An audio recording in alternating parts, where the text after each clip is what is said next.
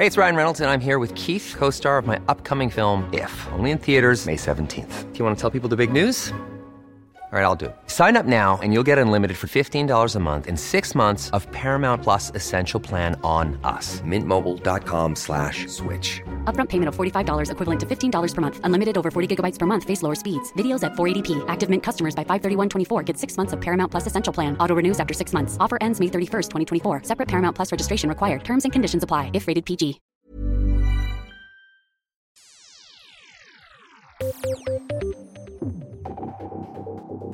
VGTV-profil Bernt Hulsker ble politianmeldt etter en katastrofal tur på utestedet Syng tidligere i år. Der skal han bl.a. ha oppført seg rasistisk overfor dørvakten. Siden har alle arbeidsforhold blitt satt på pause. Komikeren har beklaget offentlig, men dette har igjen skapt kraftige reaksjoner. Kan man gi Bernt Hulsker en ny sjanse? Tesla-gründer Elon Musk kjøpte nylig Twitter for 44 milliarder dollar og ønsker mindre moderering av plattformen. Ytringsfrihet er grunnsteinen i et fungerende demokrati, og Twitter er det digitale bytorget hvor menneskehetens fremtid debatteres, sa Musk da han annonserte oppkjøpet. Kan Musk redde ytringsfriheten? Selvmord, barnløshet, dårligere skolekarakterer, rusmisbruk og fengselsinnsatte. Vi snakker kanskje, som du allerede har forstått, om menn. På alle disse områdene så topper de hankjønnede statistikken. Er menn blitt taperne i samfunnet? Du hører på Etikk og estetikk, som er tilbake i sin tredje sesong og andre episode sterkere enn noensinne. For i sesong tre har vi med oss sponsor og presentør Hedvig Boligforsikring. Produsent det er Adrian Eriksen, researcher Peter André Hegg og programleder det er meg, Danby Choi. Vi skal straks introdusere dagens panel, men først noen ord fra våre annonsører. Visste du at Hedvig er 100% digitalt? Med forsikringsappen Hedvig får du empatisk behandling av ditt personlige serviceteam. Alt ved dine fingertupper. Meld din skade og få saken løst på minutter i Hedvig-appen.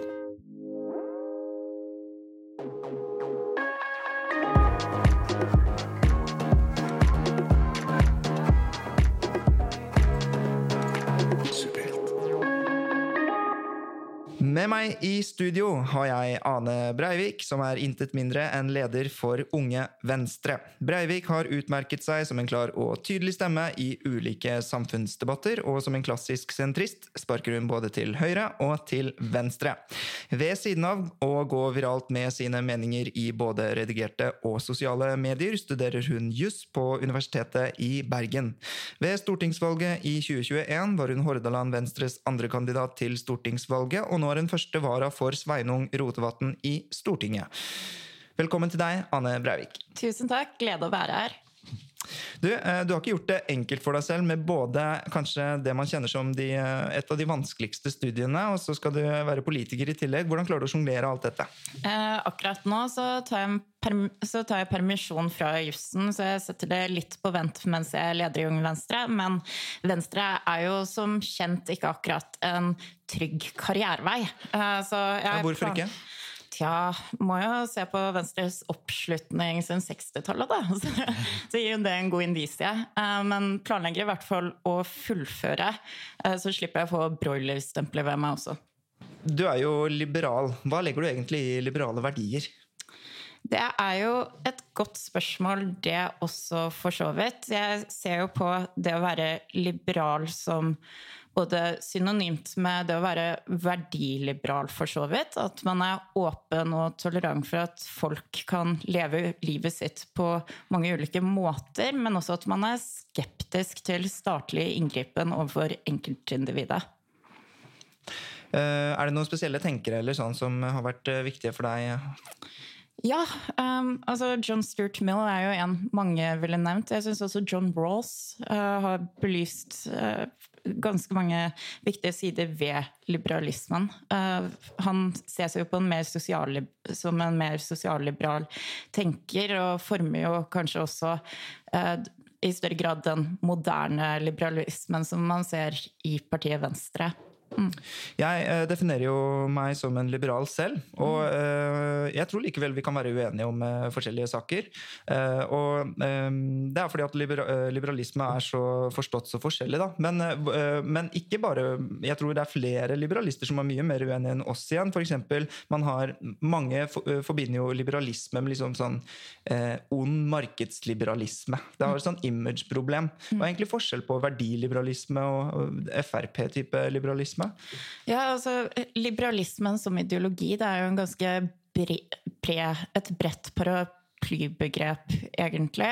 Eh, Men jeg ville jo sagt at hvis man, hvis man kanskje er selv for liberaler, så bør man i hvert fall være positiv til markedsøkonomien. fordi i det så ligger det også en erkjennelse av at um, ja, statlig inngripen det, det medfører oss, det legger også bånd uh, på på det eh, markedet kan tilby, og det folk kan starte selv. Eh, de bedriftene man kan starte, eller sånn som deg som kulturgründer. Um, men man, man, finner jo en del ulike subkategorier innenfor det. Eh, sosialliberalere er de man gjerne ville funnet i partiet Venstre, og så kaller man gjerne liberalister, er gjerne de som i mye større grad ønsker å både begrense statlig inngripen, men også ønsker et fravær av reguleringer.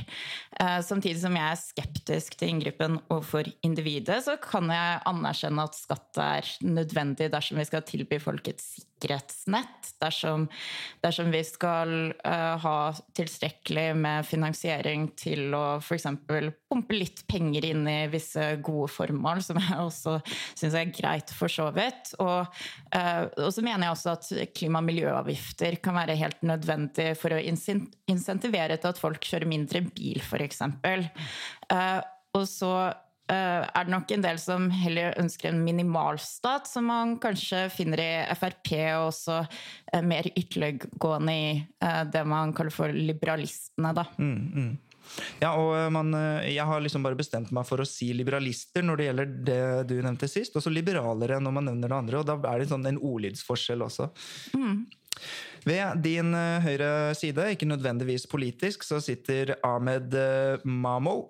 Og dette hørte du kanskje først i Subjekt, men merk våre ord, for han er en av landets mest lovende komikere. Mamo utdannet seg egentlig innen IT, men etter å ha fullført utdannelsen tenkte han at han måtte ta sats og få folk til å le. Han er kjent fra flere standup-scener, som Latter i Oslo, og har hatt en egen miniserie på NRK som heter Helsebrusjan. NRK har for øvrig publisert en av hans sceneopptredener på Facebook, hvor videoen er blitt sett intet mindre enn over to millioner ganger. Men ikke bare driver han med å få folk til å le, han er også businessman og selger eget merch. Velkommen til deg, Ahmed Ja, Mamo. takk skal du ha. Hyggelig å være her. Alle skal selge merch om dagen. Da går det vel neppe bra for noen av dere? Uh, ja, men jeg selger uh, unik merch, da. Det er Ja, du gjør det. Uh, bilde av fjeset mitt i høy kvalitet, midt i genser. Og T-skjorter, da. Så det er, uh, det er veldig ganske solgt ut et par volumer, så det er ganske bra. Har du sett noen uh, ute på gata med liksom trynet ditt på brystet? Ja, jeg, gang. Så det var veldig guffent. Det er, så, det er veldig ubehagelig, faktisk. Så jeg glemmer noen ganger at jeg har gjort det, og så plutselig ser jeg folk med trynet mitt på genseren sin. Ganske rart. Du byttet altså fra IT-bransjen til eh, standup-bransjen. Ja. Hvordan eh, Var det for kjedelig der, eller? Nei, det er, eller jeg vet ikke om researchen var bra nok, da, men jeg jobbet med IT samtidig som jeg gjorde standup en stund. Og så var det i 2020 så bestemte jeg meg for å satse helt på frilanslivet. Så da satser jeg på ikke bare på standup, men mye forskjellig. Jeg gjør alt mulig rart. da. Så skriver manus. Jeg er på radioen noen ganger. Eh, reklame. Jeg bare gjør alt for penger nå. Det er derfor jeg er her også i kveld. da. Så, eller jeg er ikke kveld nå, da, men det er dagtid. Men ja, det så det, er det, da. Og så ja, syns det er gøy. Da. Bare mer interessant da, å gjøre det man egentlig vil, da, enn å sitte på et kontor og jobbe med IT. da.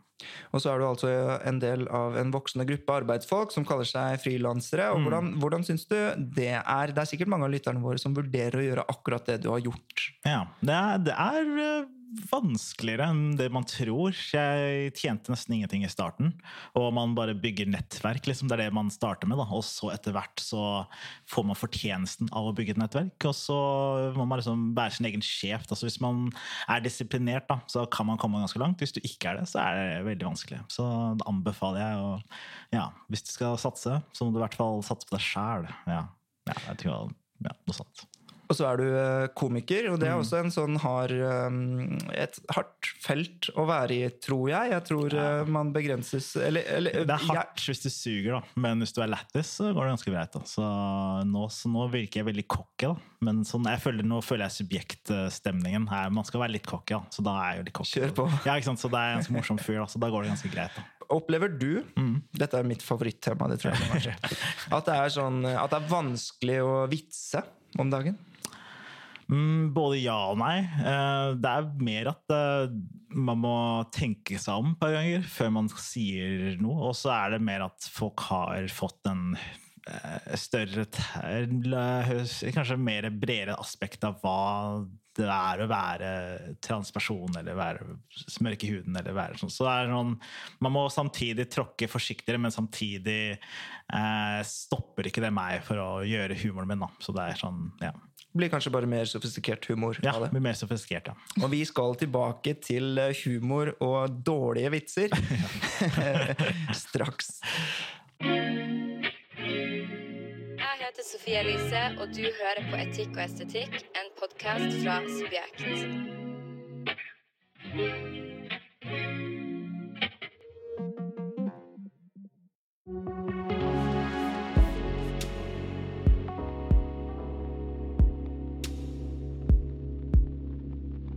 VGTV-profil Bernt Hulsker ble politianmeldt etter en katastrofal tur på utestedet Syng tidligere i år, hvor han bl.a. skal ha oppført seg rasistisk overfor eh, dørvakten. Siden har alle arbeidsforhold til eh, Bernt Hulsker blitt satt på pause. Komikeren har beklaget ordentlig, men dette har igjen skapt kraftige reaksjoner. Kan man gi Bernt Hulsker en ny sjanse, Ane Breivik? Må jeg svare ja? Det er det du må. Eh, ja. Og hva tenker du, eh, Ahmed? Mammo? Nei. Og jeg, Skape litt debatt, liksom. ja, ja, veldig bra. Og jeg skjønner jo at denne er vanskelig, fordi at man, det er snakk om liksom ever igjen. Men du sier altså ja. Hvorfor det? Altså, man kan jo gi ham en ny sjanse. Det betyr ikke at han har krav på det. Det er ingen menneskerettighet og en høyt profilert stilling i VGTV. Og jeg skjønner veldig godt at de ga ham fyken. Han kan jo melde seg inn i Trøndelag Ap. Der får man jo alle sjansene. alle sjansene som er mulig å oppdrive. Ja, Eh, men ja, altså, han, han kan jo få en ny sjanse, men jeg skjønner ikke helt hva VG ville hatt å vinne på det, egentlig. Nei, Og så må vi jo faktisk gå gjennom eh, hva han faktisk gjorde. Så Han var på Syng etter et julebord med de lættise kollegaene sine i VGTV. Og der viste han dørvakten, som hadde minoritetsbakgrunn, først en nazihilsen. Og det stopper ikke der, for ifølge dørvakten og andre vitner skal Hulsker ha utvist uønsket seksuell atferd mot flere kvinnelige gjester. Og da dørvakten skulle kaste ham ut, svarte Hulsker med å kalle dørvakten sitat 'jævla neger'. sitat slutt. Samtidig skal Hulsker ha kommet med flere rasistiske bemerkninger, og Hulsker skal ha sneket seg inn igjen, og det hele endte med et lite basketak som endte med at dørvakten fikk en albue i ansiktet. Det var litt av en kveld. Yes. Men sånn prinsipielt, da. Det er ikke en menneskerett å ha jobb i VGTV. Er dette noe man kan eh, gi han en ny sjanse for? Ja, jeg vet ikke om VGTV ville gjort det, da, men sånn, kanskje en eller annen bitte liten lokalavis, TV-Visjon Norge, et eller annet med få seere, kan gjøre det. Eh, Så spørs det jo om han er tilgjengelig for en ny sjanse. Hører jo med til historien at han også ble politianmeldt. Kan Ja. hende han må sone et par dager for, for det, i hvert fall. Ja, Og, du, ja. og du sier altså nei til at han kan få en ny sjanse.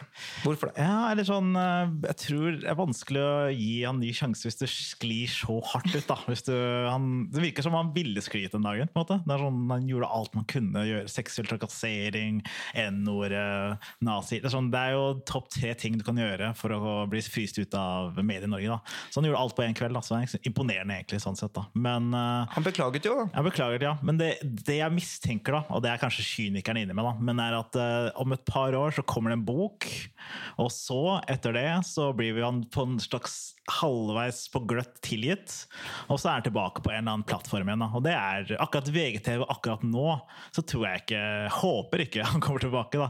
Men jeg tipper en hundrings, da. Om fem år så er han på TV2 Sporten og kommenterer noe greier. Jeg skal lagre klippet og sette på en Ja. alarm om fem år. Gjør det. Han må jo åpne opp om den tøffe tiden Ja, først, og så er, han tilgitt. ja, det er tilgitt, liksom. Så er det som er litt trist. Og det som også er derfor jeg sa nei også. Så det, det er en tydelig formler folk bruker da, for å komme seg tilbake igjen. Og det er veldig irriterende, fordi man setter opp min om igjen om igjen. Og det er sånn, ja. Så det er litt trist, da.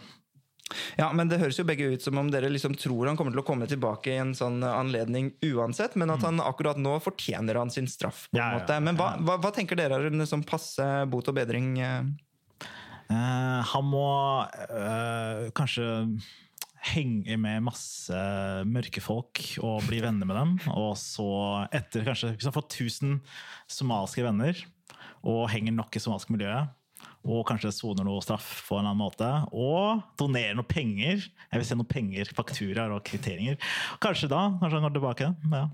Han må også gjøre opp for seg overfor kvinnene. Ja, så kvinner også. Kanskje Ja, ja, hvis han løper ja. et maraton for brystkreft, Ja. da er han tilgitt.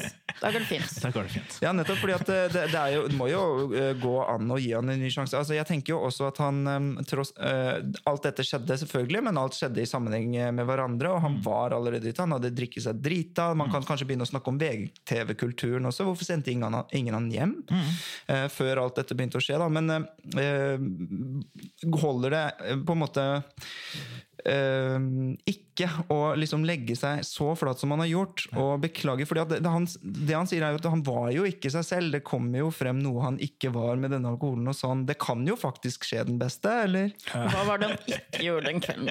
Kan det egentlig skje den beste? Men, men også sånn eh, Dette er jo noe en vanlig arbeidstaker kunne gjort på byen. Kanskje blitt politianmeldt. Måttet sone et par dager betinget, kanskje, eller betalt en bot. Og så, så ville det ikke medført noe problem på jobb. Men han er jo altså, Han har jo livnært, livnært seg først og fremst på å være kjendis, egentlig, og prate om fotball og jeg vet ikke, drive med pranks eller noe sånt i VGTV-studio. Vet ikke helt hva de driver med der. Uh, men, og da må man jo alltid passe på uh, hvem man er. Man er en offentlig person. Da kan man ikke ta det så mye ut på syng, dessverre. Ja, og så er det jo sånn Jeg ble skuffa. ikke, jeg ble sånn satt ut, for jeg visste ikke at han var så sånn type fyr. da. Det er det som også er sånn satt ut av hele greia. egentlig. Jeg kan se for meg Mats Hansen, liksom, hvis han går ut og gjør sånn akkurat samme tingene. Skal være sånn, ja, det er Mats, liksom, whatever. Men no offense til Mats, hvis du hører på nå. Men i hvert fall hvis uh, Bernt, så var jeg sånn, Oi, shit, jeg visste ikke at han var Det her var mulig, liksom. da. Men jeg tipper også noe drugs i bildet. Det er noe sånn Ja, det, det skal vi være veldig forsiktige med å si. Nå er jo ja. ikke han her i Ja, studio sant, Beklager, heller. jeg mener ikke at det er, det er ingen noe drugs i studio. Nei, ikke det. men Men er bare sånn, mm. Vi skal ikke begynne å eh, påstå at han Nei. har gjort det. Men jeg tenker også at eh, det, det også er et aspekt her som også, for å ta han litt i forsvar, så beklaget jo han med en gang.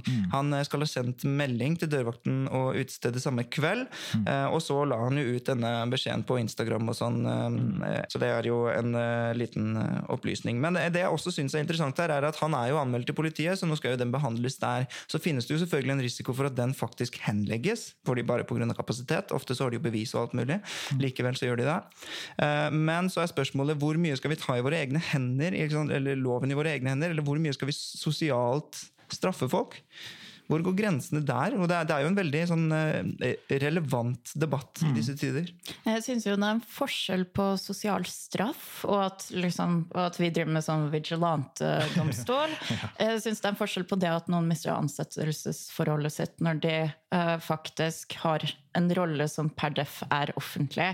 Nå kan det hende at jeg ser på det på en litt annen måte, fordi det er slik det er i politikken. Du må gå på dagen hvis, hvis du har vært seksuell mentor for en 18-åring, f.eks. Mm. noe jeg syns også er en ganske grov sak. Eh, men så, så det ser jeg jo ikke på som nødvendigvis en sosial straff, at uh, ansettelsesforholdet hans hos VGTV ble over. Tvert imot så er slik oppførsel uforenlig med en så offentlig uh, figur i jobben, slik jeg ser det. Så jeg føler det er vanskelig å sosialt straffe noe. Liksom. Sånn, Da må du gjøre noe Eller sånn Skal vi alle vende ryggen når vi ser ham på gata? på en måte? Det blir veldig rart også. Så det tror det blir at um, ja, det sosiale straff, straffet blir en del av kanskje at han mister jobben. da, kanskje, ja. Men uh, hvis jeg ser ham på gata, da, og hvis han sier hei til meg først, da, så vet jeg ikke hva jeg kommer sikkert hei tilbake. da. Jeg tror ikke jeg klarer å, jeg er ikke så kjip, tror jeg. Men, um, men ja, sånn er det. Beklager det. Så kan vi gå over til dagens andre tema.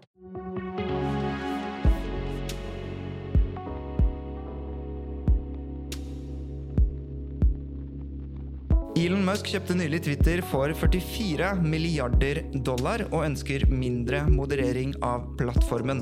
Ytringsfrihet er grunnsteinen i et fungerende demokrati, og Twitter er det digitale bytorget hvor menneskehetens fremtid debatteres, sa Musk da han annonserte oppkjøpet. Kan Musk redde ytringsfriheten, Ahmed Mammo? Uh, nei. Hva tenker du, Ane Breivik? Nei. Hvorfor sier du nei? Nei, for det er en rik milliardær som har for mye penger og har for lite å gjøre. Og har kjøpt opp eh, en plattform som egentlig ikke er så bra, uh, til å bare drive mer dank med. Da. Så det er, bare, jeg tror man bare kjeder seg. Liksom. Det, Det, det siste der kan eh, nok uh, mange signere og være uenige om, Ja, men, ja. men uh, det første der så er det jo også sånn at uansett så er det jo noen som eier det. da. Til nå så har det vært liksom sjeiker og en, ja, et konglomerat. Mm. Blir, kan, tror du ikke det kan bli litt bedre når det er en som går ut og bryr seg så mye om temaet? Nei, jeg vet ikke, fordi jeg stoler ikke på Elon Musk. Liksom. Han er en særing. Og, no offense, da. Han er ikke her i kveld, da, så jeg kan ikke si alt. Ikke bli alle som- Men, eh, men at eh, ja, det kan enten gå begge veier for det. For det også hørte jeg ikke noe hørte riktig, men det, sånn, det var noe med at eh, nå som han eier, kan han også åpne opp for Trump igjen. da. For det er jo en greie, og det kan hende at han bruker det for å stimulere seg i fremtiden hvis Trump blir president igjen. Kan. Ja, kanskje kunne ikke stille igjen, jeg husker ikke. Men det er det, da, i hvert fall. At det er, det er sketsjer når én person eier alt. av Monopoler da, er sketchy. Og hva er grunnen til at du er skeptisk? Ja, hvis Trump kommer tilbake igjen, da blir Twitter bra, så jeg gleder meg. Um, tja, altså jeg, jeg, jeg tror ikke Elon Musk kan redde ytringsfriheten, fordi noe av det store problemet ved ytringsfriheten er nettopp at så mye av offentligheten foregår på disse plattformene, der vi ikke har kontroll over algoritmene, der vi ikke klarer å regulere hvordan tekstselskapene benytter seg av de. Eh, Og hvis man ser på den plattformen til Elon Musk, nå vet vi jo ikke hvor mye av det som er tull. Vi vet ikke om han kommer til å gå videre med oppkjøpet i det hele tatt eller ikke. Han har jo tidligere eh, gått hardt ut og sagt at han skal kjøpe selskaper, og så ikke gjort det. Men et av punktene som han presenterer, er bl.a. at han vil at alle Twitter-brukere skal verifisere sin faktiske identitet eh, for å, for å benytte seg av den plattformen. Eh, Det betyr ikke at man ikke kan ha anonyme brukere, slik jeg tolker det, men jeg er fortsatt svært kritisk til at man skal måtte verifisere seg for å eh, benytte seg av Twitter. Twitter har blitt brukt som et viktig verktøy bl.a. i forbindelse med den arabiske våren, som vi så for hva er det, ti år siden? Elleve år siden. Eh, og det er jo mange gode grunner til at kanskje hvis man lever i et diktatur, under et autoritært regime, hvis man er marginalisert i samfunnet, hvis man har lyst til å bruke Twitter til å spre informasjon i, ja, eh, i et svært undertrykket land, da, at man ville vært skeptisk til å verifisere seg. I tillegg til at jeg syns det er viktig at man fortsatt har noen steder der man kan være anonym, og det er det veldig få igjen av, dessverre. Men så er det jo også sånn at eh, hvis man skal eh, ytre noe, sånn, så er det jo i hvert fall i den redigerte mm, pressen så, sånn at det er en dyd da, at man, at man vet hvor det kommer fra. Eh, og at eh, akkurat det anonymitetshensynet har ikke så, eh, liksom Ytringsfrihet fordrer ikke nødvendigvis at man skal være anonym da, når man skal eh, si ting. Men du, du nevnte algoritmer og sånn. Så er jo Elon Musk har jo faktisk ja, jeg er helt en, altså, Mange har jo fått med seg at han lover litt for mye noen ganger, men han har jo annet lovet åpen kildekode og å være åpen om algoritmer og sånn. Og Jeg må jo komme med en sånn disclaimer da, og en presseetisk fotnote om at ah, disse spørsmålene er ting jeg bryr meg om og selv. Jeg prøver å stille kritiske spørsmål i alle retninger. Det er fair å orientere lytterne om det. Men eh, så det, noe jeg ser litt sånn eh, lyst på når det gjelder eh, disse tingene, er jo at eh, han opererer jo i et konkurransemarked, og hvis han sier at nå skal vi åpne kildekodene og nå skal vi eh, være åpne om algoritmene våre, så tvinger jo det Facebook og andre konkurrenter til å kanskje gjøre det samme, eller å være de dumme og bakstreverske. Kan ikke dette markedsliberale aspektet ved det være bra for ytringsfriheten? Jeg synes jo ikke, Grunnen til at jeg ikke tror Elon Musk kommer til å redde ytringsfriheten, er jo både Og jeg er veldig positiv til å åpne algoritmen og kildekodene også, men eh, det er jo nettopp fordi det er så mange andre plattformer vi trenger kontroll over også. Og jeg, jeg synes jo Facebook eh, og deres eierskapet over f.eks. Instagram og flere andre sosiale medier er dypt, dypt, dypt uh, mye større problem. Mm. Mm. Og der ser jeg heller for meg at det, det, som kanskje kan redde ytringsfriheten til dels, det er ikke nødvendigvis det Elon Musk gjør på Twitter, men heller at man faktisk får politikere som kommer og begynner å regulere disse selskapene. Splitte opp Facebook, f.eks., som har et enormt eierskap og tilgang til ekstremt mye informasjon om oss som privatpersoner. Det var det jeg håpet skulle være utfallet av, av høringene eh, med Frances Haugen i Kongressen. Da ble det jo diskutert kan vi regulere, kan vi splitte opp Facebook. Og så, det ikke, så tok det ikke til noe særlig um, særlige avgjørelser på akkurat det. det og, så, og, i tillegg skattlegge eh, disse ekstremt store, ekspansive selskapene som uh, bare øker og øker i størrelse. Mm. Ja, og de spiser jo opp hele det redigerte presselandskapet også. Men hva, hva, tenker du når du hører en politiker snakke om regulering av sosiale medier? Er du i utgangspunktet for eller mot det? Mm, jeg, er litt for, jeg er for det, liksom. Jeg synes det er, ja, Facebook har blitt for stort og for rart, liksom. Og, og det er jo splittet folk. De har jo klart å Jeg vet ikke, så jeg som dokumentar om sånn at de klarte å få USAs valg til å bli mer splitta noensinne ved hjelp på Facebook og sånt. da, Og det er jo ganske ille. Eh, men samtidig så er det også litt sånn skummelt at man uh, må regulere, da. Fordi, ikke skummelt, men det er sånn, man har jo lyst på den friheten, da. Uh, jeg vet ikke om dere er på TikTok, liksom, men der er det veldig anonymt og veldig fritt. Men det er både og, da. For på en måte så er det mye mobbing og mye fæle ting, men på en annen måte så er det sånn For en fremtidig generasjon som har vært vertifisert siden vi var født, da, så er det litt deilig å være anonym, da. Men, så, men det som ikke er anonymt, er jo ja. den informasjonen TikTok får. Ja, det er det ikke. Det er, ikke, det er helt sant. Men uh, det, er, det, er, også veldig skummelt. da. Det, det, har vært deilig å ikke bli um, skannet av Kina hver ti sekunder. Så det har vært nice. Nettopp. Men uh, så er det jo ingen tvil om at Facebook og Twitter og um, Pinterest for øvrig må forholde seg til uh, som, altså, som var det jo, Når man snakker om å bannlyse Trump, så snakker man jo ofte om det at til og med Pinterest skulle nå vise sin godhet. ikke sant? Ja, jeg tror vi kan kjøpe Pinterest hvis vi bare spleiser ja. Og redde ytterligere. Nei, men uh, alle de tre og alle andre må jo forholde seg til et lovverk. Ja. Men spørsmålet er om man skal ikke sant, ha glasstaket, senke noe glasstak under det igjen. Uh, ja. Og for Når det gjelder Facebook, så gjør jo de ofte det. Det er jo ikke mm. pga. at det, det, per se er ulovlig å spre teorier om at Wuhan-viruset eh, oppstår fra et laboratorium Nei, Wuhan-viruset, jeg sier det. Mm. Koronaviruset stammer fra et laboratorium i Wuhan. Det var jo mm. fordi at Facebook hadde sine egne standarder. Mm. Men dette er et eksempel da, hvor Facebook i sin kamp mot falske nyheter valgte å blokkere eh, brukere som delte denne teorien. Mm. Og så viste det seg senere at WHO plutselig anerkjente teorien, og, at, og, og, mulighet for at viruset kunne stamme fra Wuhan. Og da hadde jo blokkert brukere, og hvem vet hvem de egentlig blokkerte den gangen? Kunne det vært en kinesisk dissident? Mm. Uh, og hvis man sant, får flere sånne eksempler, Unge Høyre som nylig skulle gratulere andre homser, som de skrev, uh, på, med etter 50-årsmarkeringen, mm. de ble jo også sensurert. Og så har man Nipples, som er ulovlig på Facebook osv. Og, så ja. og så kommer det en annen aktør som sier dette er lov. Det er bare mm. Facebook som ikke tillater det.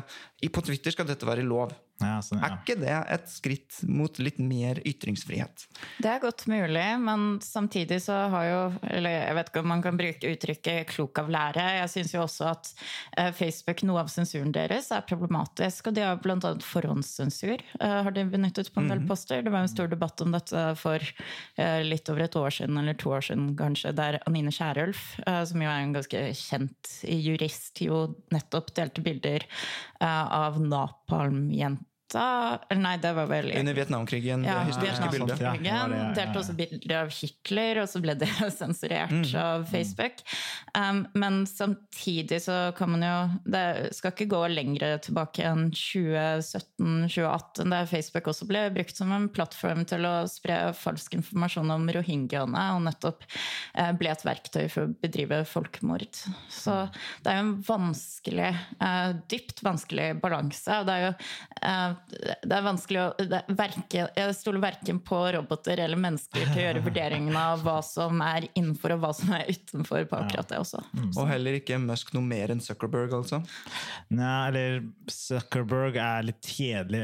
Elon Musk er litt lættis, i hvert fall. Han er en kul type. Men, han, eh, men ja, vi skulle ønske Zuckerberg ikke var så robotte, da. Han var litt mer menneskelig. Det hadde, litt, eh, hadde hjulpet litt med det Facebook-problemet. Men eh, ja. Men det jeg syns er så teit de som er sånn åh, nå skal jeg slette Twitter-kontoen min fordi en slem, slem, slem milliardær kommer og kjøper opp denne plattformen, er jo nettopp at sånn å, ok, skal du emigrere til Facebook med Mark Zuckerberg, liksom? ikke Tror du ikke at de samme markedsinteressene finnes på alle sosiale medier? Og Amazon, som er enda verre. Så er sånn, alle er ille. Kan ikke Og, bare all, ja. og allerede eksisterende på Twitter, ikke minst. Ja. Det er jo noen Ja. som eier det nå. Ja, ja. Ikke sant? Så det er, det er en suppe. En ekkel suppe vi driver og slurper fra, alle sammen. Visste du at Hedvig er 100% digitalt? Med forsikringsappen Hedvig får du empatisk behandling av ditt personlige serviceteam. Alt ved dine fingertupper. Meld din skade og få saken løst på minutter i Hedvig-appen.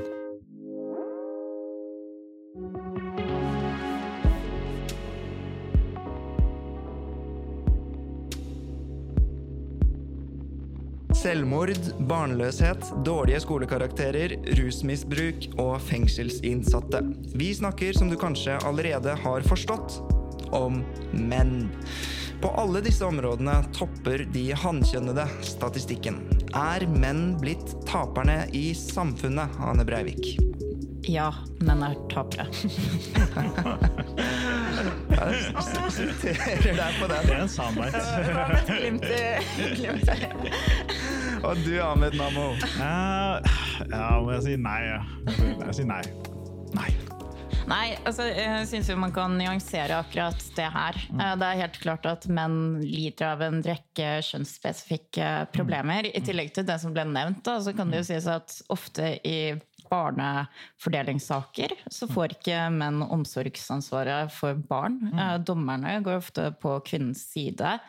Eh, Som ble nevnt selvmord, rusmisbruk. De ligger bakpå eh, på skolen. Har mindre sånn, sjanse for å fullføre, fullføre grunnskolen og videregående. Eh, Så det er definitivt en rekke kjønnsspesifikke problemer. Men bare for å nyansere dette, så syns jeg mye av det stammer jo nettopp i det som holder kvinner tilbake, og som undertrykker kvinner.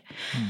For eksempel hvis man ser på barnefordelingssaker, da, så, så tror jeg det også handler om at eh, kvinner eh, tradisjonelt har blitt betraktet som omsorgspersoner. Du vet, sånn Feminine verdier, de skal være varme og alt det der.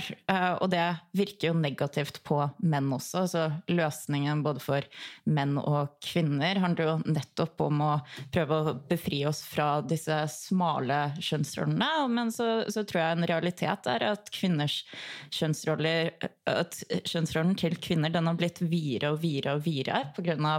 Eh, feminismen, egentlig. Tre bølger, eller fire, jeg vet ikke helt. Eh, Tre-fire bølger med feminisme. Mens for menn så er den fortsatt ganske smal. Eh, selv om den vier seg kanskje litt mer ut. Det er mer akseptert for menn å gjøre noen ting nå som ikke var akseptert for 20-30 år siden. Erkjenner du at eh, menn altså kan uh, ha uh, kjønnsspesifikke utfordringer, men som kanskje fremstår fort mer sutrete å klage over? Det var, nå spør du godt. Eh, Jeg, opplever ikke det nødvendigvis som sutrete, men jeg syns ofte at når man peker på de kjønnsspesifikke problemene til menn, og at noen av de som gjør det, kanskje gjør det uten å anerkjenne de problemene kvinner møter på, og motsatt for så vidt også. Men når man peker på de, det er veldig mange som peker på de, og så, så kommer man ikke nødvendigvis med noen løsninger eller erkjennelse av de strukturene som ligger bak. Mm. Og uh, For å ta selvmordsstatistikken, da. Selvmord er jo en av de, uh, en av de hyppigste dødsårsakene for unge menn. Uh, men, og en grunn til at selvmord Som man kan tenke at det er en grunn til at selvmord eh, er så prevalent eh, blant unge menn, er jo kanskje fordi, eh, fordi det er vanskeligere for dem å åpne opp om følelsene sine. Og åpne opp mm. om det de sliter med. Og det handler jo også om uh, tradisjonelle kjønnsroller, maskulinitet og femininitet. Og at uh, det kvinnelige kjønn har blitt betraktet historisk som det svake kjønnet. Og da er man litt sånn følsom og omsorgsfull og alt det der. Ja, det er mer eh, åpent. Eh, det tror jeg alle liksom kan eh, innrømme litt. At man, det, det, det, er, det, virker sånn, da, hvert fall. Det høres riktig ut at menn logisk bare ikke snakker så mye om følelser, og derfor mm. så løser man det på mest tragisk vis. Mm. Men du sier altså nei. Nei, jeg glemte at jeg sa det. Nei, jeg sa, jeg sa nei fordi jeg, det her er bare synsing bare fra mine egne teorier. Men jeg tror at vi har alltid vært fucked up, men det er bare nå vi la merke til det hvis du skjønner.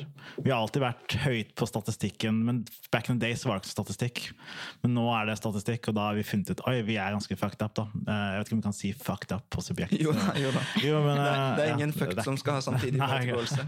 Så bra. Nei, eh, men jeg tror også vi har jo veldig stort problem med at vi ikke kan snakke om følelser, og at det er generelt neglekt da, når det kommer til unge gutter da, i samfunnet. Og det er veldig trist, og det er Jeg har et stort håp om vi klarer å nøste på det eh, kjøttsåret eh, etter hvert. Da. Eh, I hvert fall de nyere generasjoner, da, Det håper jeg. Men opplever du som mann at det, er, det kan være kjønnsspesifikke problemer du har, men som du ikke gidder å ta opp fordi at du føler at nei, det, det blir for teit? Kvinner har større problemer, på en måte?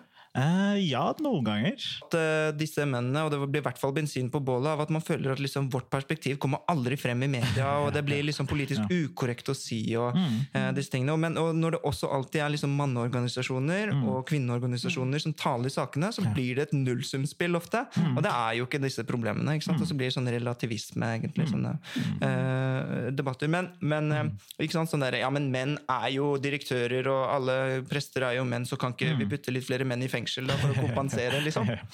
ja, det er jo ja. Uh, ja, altså, jeg er helt enig i det perspektivet at det ofte fremstilles som et nullsumspill. Og det, det, det syns jeg jo også et problem for så vidt når det kommer til de reelle kjønnsspesifikke utfordringene menn opplever. at Jeg av og til føler at det fremmes i samfunnsdebatten som en sånn ja, men kom, Det går så bra med kvinner, de dominerer jusutdannelsen og mm, mm. Eh, medisinutdannelsen og psykologiutdannelsen, mens menn henger bakpå på det og det og det. Og det, det er jo sant at kvinner dominerer det, og jeg syns for så vidt også det er problematisk. fordi, nettopp fordi uh, de som utdanner seg til dagens leger, uh, til psykologer, til advokater osv., de, altså de tar jo utdannelser som kommer til å som medfører at de sannsynligvis kommer til å ha en del klienter. Og det kan være viktig for de klientene eh, i visse situasjoner at de, har, eh, at de går til noen som er av samme kjønn som dem. Jeg tipper at hvis du har opplevd overgrep fra noen av det motsatte kjønn, så kan det være fint å snakke med noen av det samme kjønnet som du har. Mm. Og jeg tror også med, Hvis jeg tenker på et kjønnsspesifikt problem for kvinner Jeg tror jo metoo har gjort at det er mye lettere å åpne seg opp om mm. seksuell trakassering. Mm. Og det, det, man gjerne kan oppleve, da, la oss si du var på jordbordet og sjefen tok hånden sin på låret eh, ditt, så det, da ville det vært veldig lett for meg å snakke med folk mm. og få bekreftelse i at det ville vært feil. Men jeg tipper at for menn så, så, er det litt vanskelig å åpne seg opp om sånt også. Mm.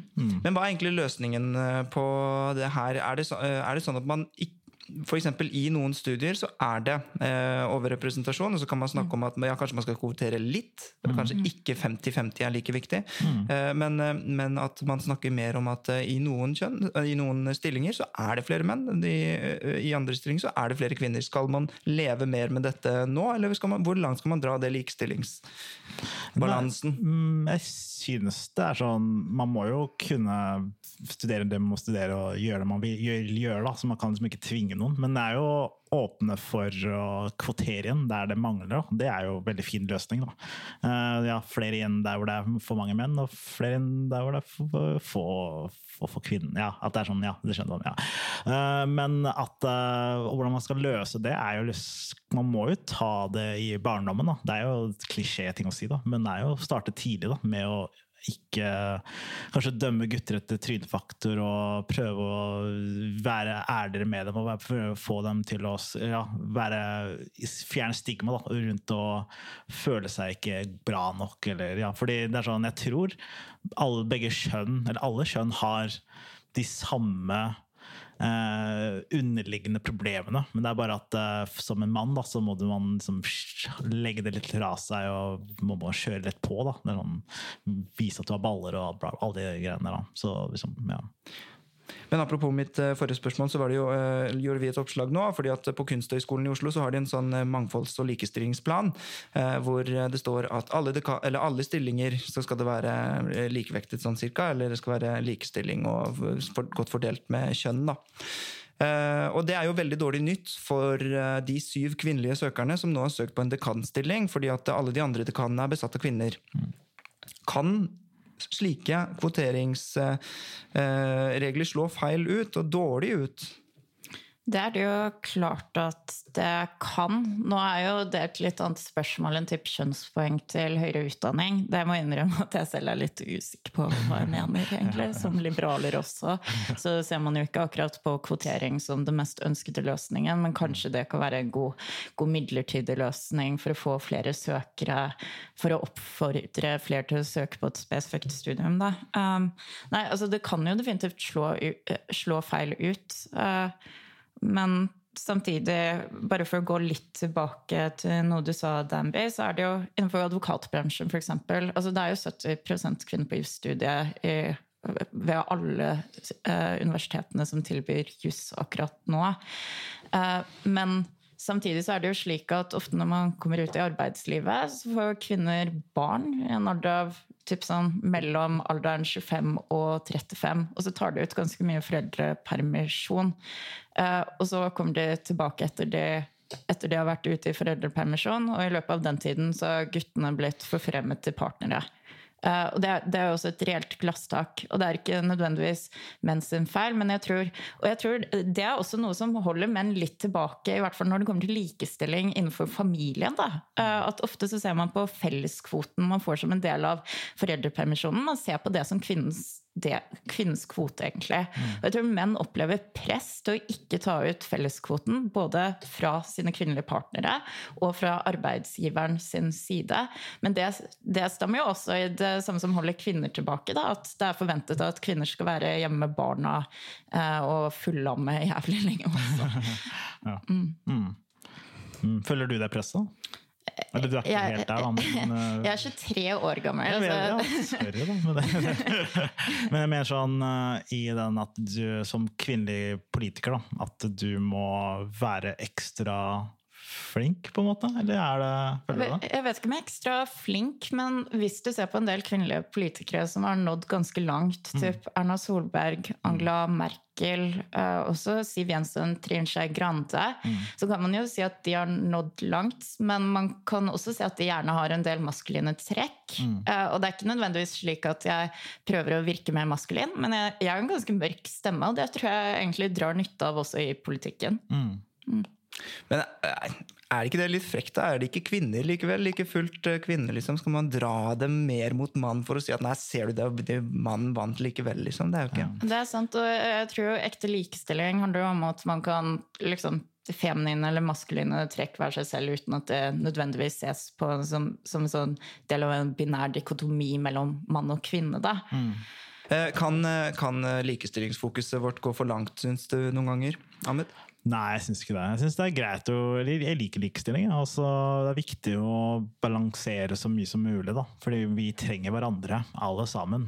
Det er litt politisk korrekt ting å si, men det er jo det. Og eh, ja, det er det, jeg vet ikke hva, jeg er vanskelig å forklare hvorfor vi må ha det, men det er mer sånn det er veldig men- menneskelig, menneskelig å ha mennesker som, fra alle perspektiver da, som jobber sammen. da.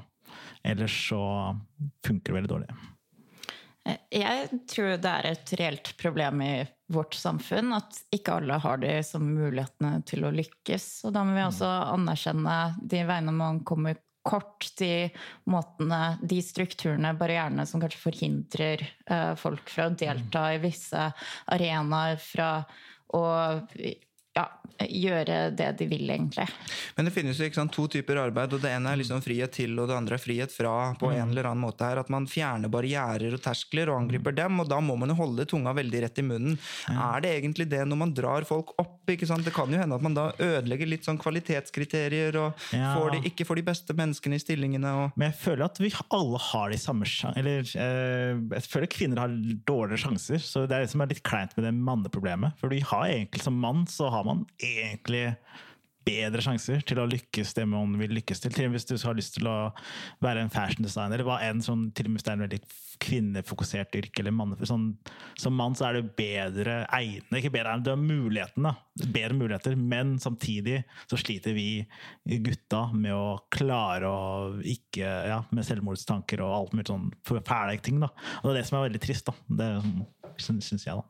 Og så må jeg jo si at med kvotering så tror jeg sjelden det er problem at man løfter opp en ukvalifisert kandidat. Tvert imot. Altså, skal vi se tilbake på sentralbanksjefutnevnelsen, f.eks. Eh, der eh, Jens Stoltenberg, kanskje i kraft av sin ansiennitet og sine erfaringer som tidligere statsminister, Nato-sjef osv., eh, kanskje var den, den som reelt sett ble vurdert som mest kvalifiserte av embetsverket i Finansdepartementet, så vil jo alle si at Ida Wardum Bakke er vel så kvalifisert til å være sentralbanksjef.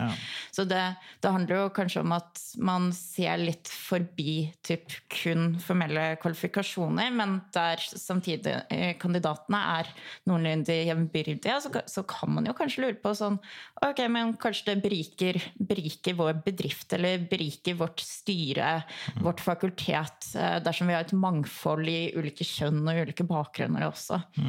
Ironisk nok så fikk hun jobben da, til slutt, men det var jo fordi det er krig i Europa. så Jens Stortenberg Stoltenberg må løse konflikten i Ukraina. Jeg leste en um, 18-årstale som Gunnar Stavrum hadde skrevet til sin datter, og hun datteren hadde da vært eh, veldig flink da, på skolen og fått sekser hele livet, og sånn, og så sa Gunnar Stavrum på 18-årsdagen at fortsett å være så flink, så kan du kanskje bli visepresident. og med det så takker vi for besøket, Ahmed Mammo og Ane Breivik. Tusen takk.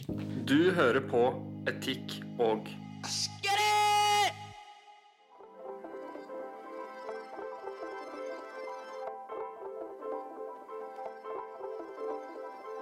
I tillegg til eh, våre gjester, tusen takk til forsikringsappen Hedvig for å presentere podkasten Etikk og estetikk, og til eh, stiftelsen Fritt Ord, som har eh, muliggjort denne podkasten. Dette var eh, første episode av Etikk og estetikk i sesong eh, tre. Følg eh, Subjekt der det er mulig å følge oss på Facebook og på Instagram. Og Etikk og estetikk har jo som kjent en egen debattgruppe med nærmere 3000 medlemmer på Facebook. Den heter Etikk og estetikk. Så om du ikke er medlem i den gruppen fra før av, så anbefaler jeg deg å bli medlem der, for der tas det opp temaer som interesserer subjekt generelt, men særlig da podkasten Etikk og estetikk spesielt. Hvis du likte podkasten, så håper jeg at du kan stjernerangere oss um, i eh, de plattformer som tilbyr det, enten det er Spotify, Apple Podcaster, Soundcloud eller eh, andre tilsvarende eh, podkastplattformer der du hører på oss akkurat nå. Og med det så har jeg lyst til å takke for følget. Mitt navn det er Danby Choi, så poddes vi om en uke, også da med et stjernespekket lag av gjester. Hey, it's Danny Pellegrino from Everything Iconic. Ready to upgrade your style game without blowing your budget? Check out Quince. They've got all the good stuff shirts and polos, activewear, and fine leather goods, all at 50 to 80% less than other high-end brands. And the best part? They're all about safe, ethical, and responsible manufacturing. Get that luxury vibe without the luxury price tag. Hit up quince.com slash upgrade for free shipping and 365 day returns on your next order. That's quince.com slash upgrade.